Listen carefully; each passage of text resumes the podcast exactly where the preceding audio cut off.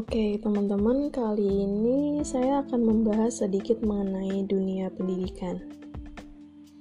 Nah, semua orang bisa mengajar, namun belum tentu semua orang itu bisa mendidik.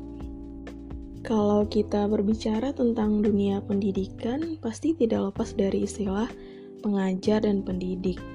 Sebenarnya, apa sih beda keduanya? Walaupun banyak di antara kita mungkin uh, menyamakan arti keduanya. Tapi kalau misalnya kita lihat lebih dalam lagi, keduanya itu cukup berbeda.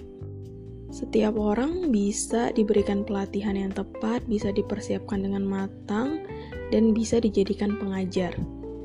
Jadi, setiap orang dengan persiapan yang cukup baik bisa menjadi pengajar suatu materi atau melatih suatu materi, dan mereka disebut sebagai pengajar mereka dapat mengajarkan materi pelajaran ataupun keahlian tertentu.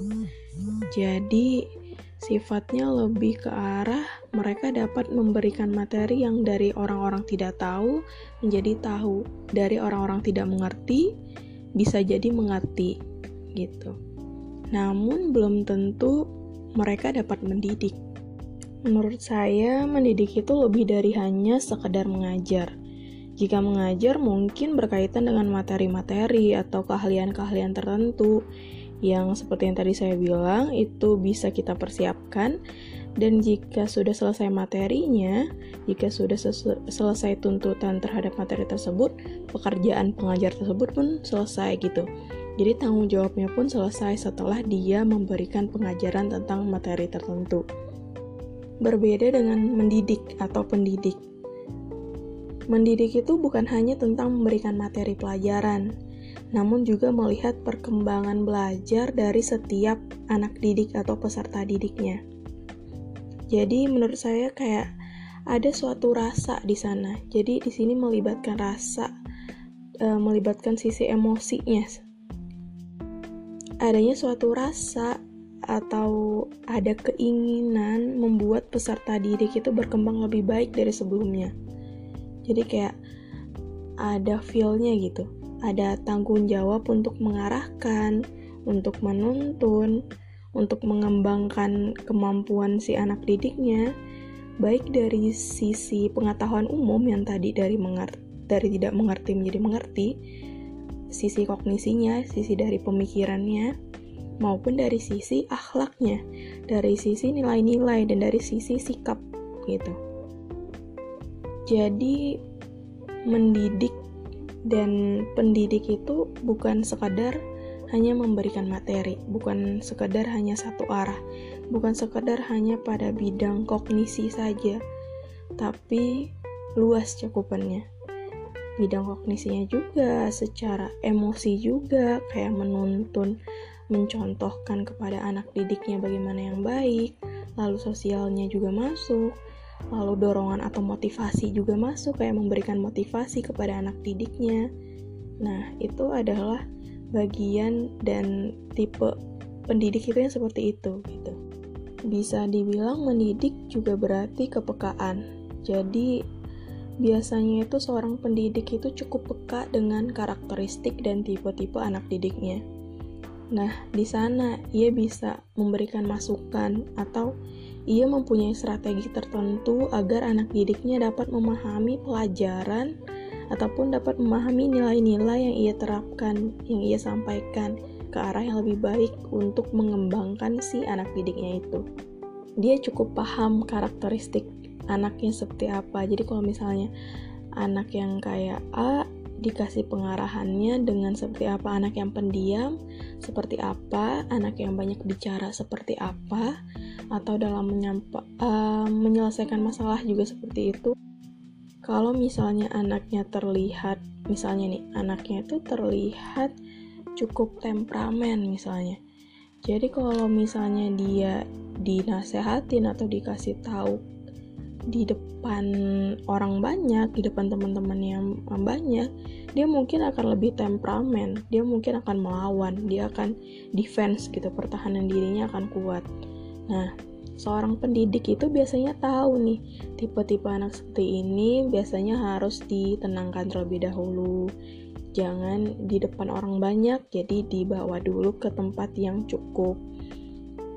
Nah, kalau pendidik biasanya mereka punya feel itu tuh, mereka tahu bagaimana cara memperlakukan anak didiknya sesuai dengan karakter anak didik tersebut. Dan mereka juga tahu gimana nih cara masuk ke anak didiknya ini, gimana nya menuntun dan memberikan nilai-nilai akhlak yang baik ke anak didiknya ini. Jadi ya ada keterlibatan emosional di sana. Biasanya kepuasan bagi pendidik itu lebih ke arah kepuasan batin. Jadi mereka itu bahagia jika anak didiknya berkembang ke arah yang lebih baik. Mereka memberikan pembenaran jika anak didiknya salah, memberikan contoh, mungkin memberikan hukuman jika dibutuhkan, dan juga memberikan reward nih penghargaan jika memang anak didiknya berhasil. Reward atau penghargaan itu bukan selalu harus bernilai barang ya. Kayak bukan selalu harus bernilai sesuatu hal yang nyata. Namun kayak kalimat-kalimat motivasi atau kalimat-kalimat dukungan atau kalimat yang menunjukkan bahwa si anak itu menunjuk uh, si anak itu melakukan tugasnya dengan baik, mungkin itu udah lebih dari cukup bagi anak itu gitu. Jadi seolah oh hasil usaha dia selama ini dinilai baik dan mendapatkan penghargaan dari uh, misalnya gurunya gitu. Itu sudah suatu hal yang membuat anak itu bahagia. Nah sebenarnya ini juga pendidikan umum ya sebenarnya. Sebenarnya kalau misalnya kita kaitkan dengan orang tua, dengan orang-orang di sekitar yang berhubungan dengan anak dan misalnya menjadi pendidik atau mempunyai jiwa-jiwa pendidik, ini bisa diterapkan gitu. Reward dengan kalimat-kalimat yang baik itu bisa kita terapkan sebagai pendidik untuk um, proses menghargai atau mengakui usaha yang telah dilalui oleh anak-anak didik. Jadi, mereka juga butuh umpan balik dari kita. Ketika kita memberikan mereka suatu materi, kita memberikan mereka pengarahan, kita menuntun mereka, dan ketika mereka melakukan sesuatu itu sesuai dengan yang kita ajarkan, yang kita contohkan, mereka juga butuh umpan balik, yaitu bisa dengan reward berupa kalimat-kalimat positif untuk mereka bahwa mereka sudah melakukan semuanya dengan baik. Ataupun jika mereka tidak sesuai mungkin dengan harapan ya bisa dengan kata-kata juga atau ya bisa dengan hukuman jika itu sesuai dengan um, masalah yang dihadapi. Tapi tentu saja hukumannya itu hukuman untuk mengarah ke yang lebih baik lagi ya. Jadi bukan hukuman dalam rangka untuk mengeluarkan emosi bukan seperti itu seorang pendidik pasti tahu hukuman tepat seperti apa sesuai dengan karakteristik setiap anaknya. Mungkin saja hukuman itu bukan mm, selalu berupa hal yang berbau fisik. Bisa jadi hal-hal lain, misalnya verbal bisa, atau hal-hal lain yang sesuai dengan karakteristik anak tersebut.